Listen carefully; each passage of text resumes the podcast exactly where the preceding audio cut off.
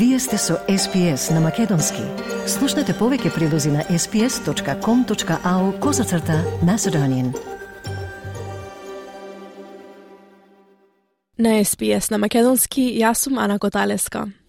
Ивана Иловски, родум од Охрид, која скоро 20 години живе во Сиднеј, во јули оваа година, токму на незиниот именден оствари несекојдневен подвиг, да истрча ултрамаратон околу Охридското езеро. Тоа е должина од 101 километар, односно 11 часа трчање во околина обкружена со природни убавини. Но да слушнеме директно од оваа инспиративна млада жена.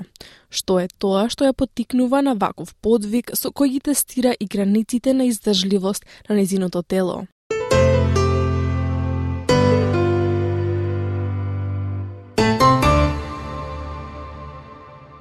Во јули вие трчавте ултрамаратон околу Хридското езеро, што е далечина од 101,2 километри. Дали можете да ни го пишете тоа искуство? Па, ултра маратонот околу Охридско езеро ми беше личен предизвик а, и ми беше всушност најдолгата дистанца до тој момент, првата 100 километарска дистанца и затоа ми беше особена чест и привилегија тоа да биде баш во, во градот во кој што сум а, порасната. Имав а, Ја, јас сите трки си ги многу планирам.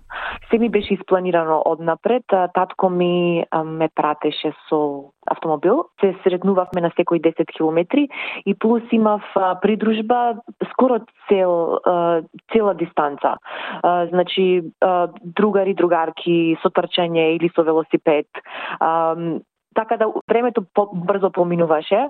А, немав, не, не ми беше воопшто досадно. Ме, а, кога ми пагаше малце, да речам, мотивацијата, знаја да ме расположат. А, сепак тоа не, не се ни случи многу, многу пати.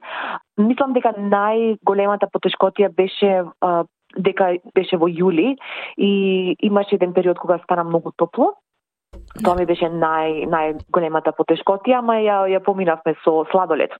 Да. така. Да. Дали во некои периоди застанувавте да јадете и да пиете или како изгледаше тоа? Да, во ултрамаратонското трчање, тоа се вика ултрамаратонско трчање, не е цело време трчање. Значи, најголемиот дел од оваа патека беше трчање, но имаше делови каде што беше со одење и застанување. Застанав, мислам дека 8 пати напред време договорени места со во, во кој што се среќавав со татко ми и тука а, се дополнува значи вода, течности, јадење. Јас сакам да јадам, а, да трчам, а, за да си ги а, така јас ги внесувам калориите. Значи за мене јадење сендвичи со а, нутела, а, сендвичи со Vegemite, а, ми е mm -hmm. уствари а, јадење кое што го јадам, кое што го конзумирам кога трчам и, и е многу и е чест избор кај а, ултрамаратонците во Австралија. Да. Какво беше да. чувството да. кога пристигнавте на крајот? Бе, бе, не бев преморена, а, бев, а, не ми се веруваше дека, дека завршив. Значи, нема вкажано на многу луѓе дека планирам да го правам тој подвиг и, и а, после неколку дена многу луѓе дојде и зошто не ми кажа. А, некако беше дека така се тивко испланирано без а, некоја голема галама да речам, ама најбитно ми беше што, што ме чекаше на целта на пристаниште, а, фамилијата и моите две деца. А, мислам дека сите овие работи што ги правам ги правам за нив и кога ќе ги видам нив за нив го правам се ова за да им дадам инспирација дека во животот може да бидат се што се што ќе посакаат. Што е тоа што ве инспирираше да го започнете планирањето на ултрамаратонот околу Хридското езеро? Поточно од каде започна таа идеја? Конкретно ултрамаратонот околу Охридско езеро и не беше ам, некоја долгорочна цел, да речам. Идејата всушност се роди на почетокот на годинава, сосем случајно. Се припремав за на одмор во Македонија, разгледував трки околу Европа и опции за каде би можела да отидам да се тркам. И во истиот период локален ултрамаратонец од Охрид Дејан Ангеловски, кој што зад себе има огромни меѓународни успеси. А, ја имаше поминато истата патека, но со велосипед. Ја видов мапата и, си, и баш си реков, па јас мислам дека ова можам да го истрчам. Го исконтактирав и го прашав дали е возможно да се помине таа патека со трчање и тој ми потврди дека е возможно и така всушност почна и планирањето. И Дејан уствари ме пратеше по целата патека од граница на почеток на Албанија, значи целиот албански ден, дел, Дејан беше со мене на велосипед. Како се спремавте за овој ваков огромен подвиг? Тренингот за ова не беше стриктно за овој подвиг, um, туку ми беше инкорпориран во целокупниот тренинг за сите трки што ги имам испланирано за годинава. Um, значи имам тренер кој ми дава програм секоја недела. Um, и секако тоа е околу испланирано околу врски со деца, со работа. Треба да се најде време за тренинг. Тренирам, трчам шест пати во неделата. и трчам кога секој пат кога ги најдам слободно време, гледам да да го искористам времето за тренирање. Се будам многу рано, значи трчам понекогаш во 4 наутро, а, за да можам да се вратам дома и пред да ми се разбудат децата. Да, да. Каков беше процесот на опоравување по овој маратон? Дали беше различен од другите или колку беше долг периодот барем на вашето тело да се врати на нормално? Беше различен бидејќи бев на одмор. Трчањето беше во четврток. Многу брзо после тоа се вратив на онака лесно трчање, магаро го качив наредната недела, наредната среда. Опоравувањето ми беше со многу пешачење на галичица и уствари не само на Галичица, туку и без Скопје а, на водно го пешачев, ја качив а, Шарпланина, значи се качив на Титов врв. Беше со um, активно опоравување, да речам. Што е тоа што ве привлекува кон трчањето на долги далечини? Затоа што ова е на некој начин не секојдневен спорт и треба да сте одредена личност за да можете да се надпреварувате на овој начин. Точно го рековте, треба посебна личност, посебна во смисла на физичкиот дел се тренира, за а, физички да се подготвиш за ваков, за вакви подвизи. А, мислам дека тоа е не најлесниот дел, ама полесниот дел. Ме привлекува тоа што треба многу ментална, психичка спремност. Значи, ме привлекува тоа што гледам со секој нов подвиг, гледам за што се сум способна. Го сакам тренингот, значи, трките како трки се супер, ама тоа е еден ден.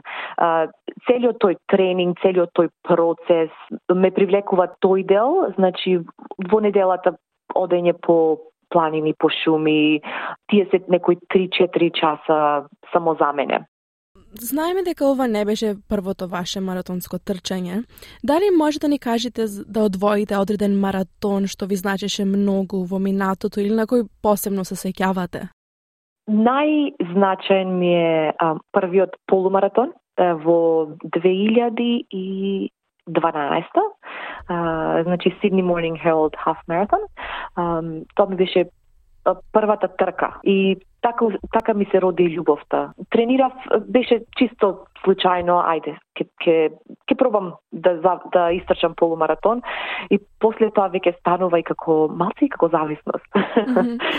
Да. Да, сигурно има нешто тука во однос да. на менталното здравје, но и, и некакво некакви хемикали во мозокот, да речам, што, што ги чувствувате во текот на тоа и потоа? Дефинитивно. А, кога ќе правам муабет со кога разговарам со други, сите, леле, па не знам како така да се будиш секој ден и како ќе трчаш. На почеток е така, после тоа се будиш и а, мислата ти е на тоа како ќе се чувствуваш од кога ќе завршиш со трчање. И за мене тоа чувство е незаменливо. Мислам дека и затоа станува и за малку зависност. Сигурно. Да. Неодамна учествувавте и на маратонот Oxfam Trail Walker.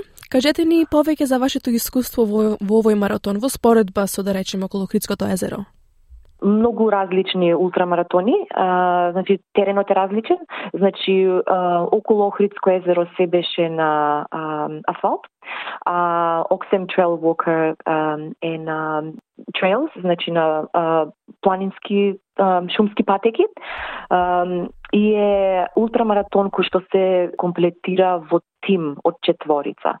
Значи за, почнуваш со а, целиот тим, а, го трчаш ултрамаратонот заедно со тимот а, и можеш да завршиш заедно. Така да најсилен си колку најслабиот член mm -hmm. на тимот. А, јас го комплетирав со прекрасен тим од уште тројца пријатели. А, цело време бевме заедно, се поддржувавме и всушност завршивме први и за разлика од Охрид, а, кој што беше 12 часа, а, ова, затоа што беше многу покомплексен теренот на Оксем, а, завршивме за 17 и пол часа. Да. Од тоа може да се види колку е различно, значи многу, многу поразлично. А, голем дел беше качување по карпи, а, што не беше случајот со а, околу Охридското езеро. Така, и сигурно различна околина носи различни предности и различни позитивни, може би и негативни нешта за маратонот. Да, па, позитивни, да, и не би рекла негативни. Јас сам, ги, тие ги викам лекции. Значи, mm -hmm. сваќаш многу работи за себе и како може, не само во поглед на трчање, туку и си треба многу трпение, колку си силен, колку си упорен, се си носи животни лекции. Mm -hmm. Да, така. Да. И за крај, дали планирате да се надпреварувате на некои идни маратони во блиската, идни или во текот на оваа година? Годинава имам уште два. Значи во октомври имам Ultra Trail Australia, кој што е во Blue Mountains и е на крајот на октомври, значи ќе планирам да ги заврш, да завршам три трки по рок од 3 дена, значи еден ден е 11 км, наредниот ден е 22 км, наредниот ден е 50 км. А, и а, тоа ми е на крајот на октомври и средина на декември, за, за во средина на декември тренирам за а, Ултра Трейл Козиоско, која што е трка на 100 километри.